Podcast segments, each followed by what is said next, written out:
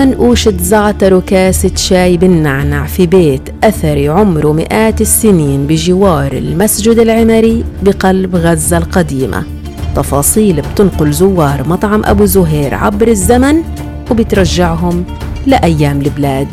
في حلقة جديدة من بودكاست على حافة الحياة.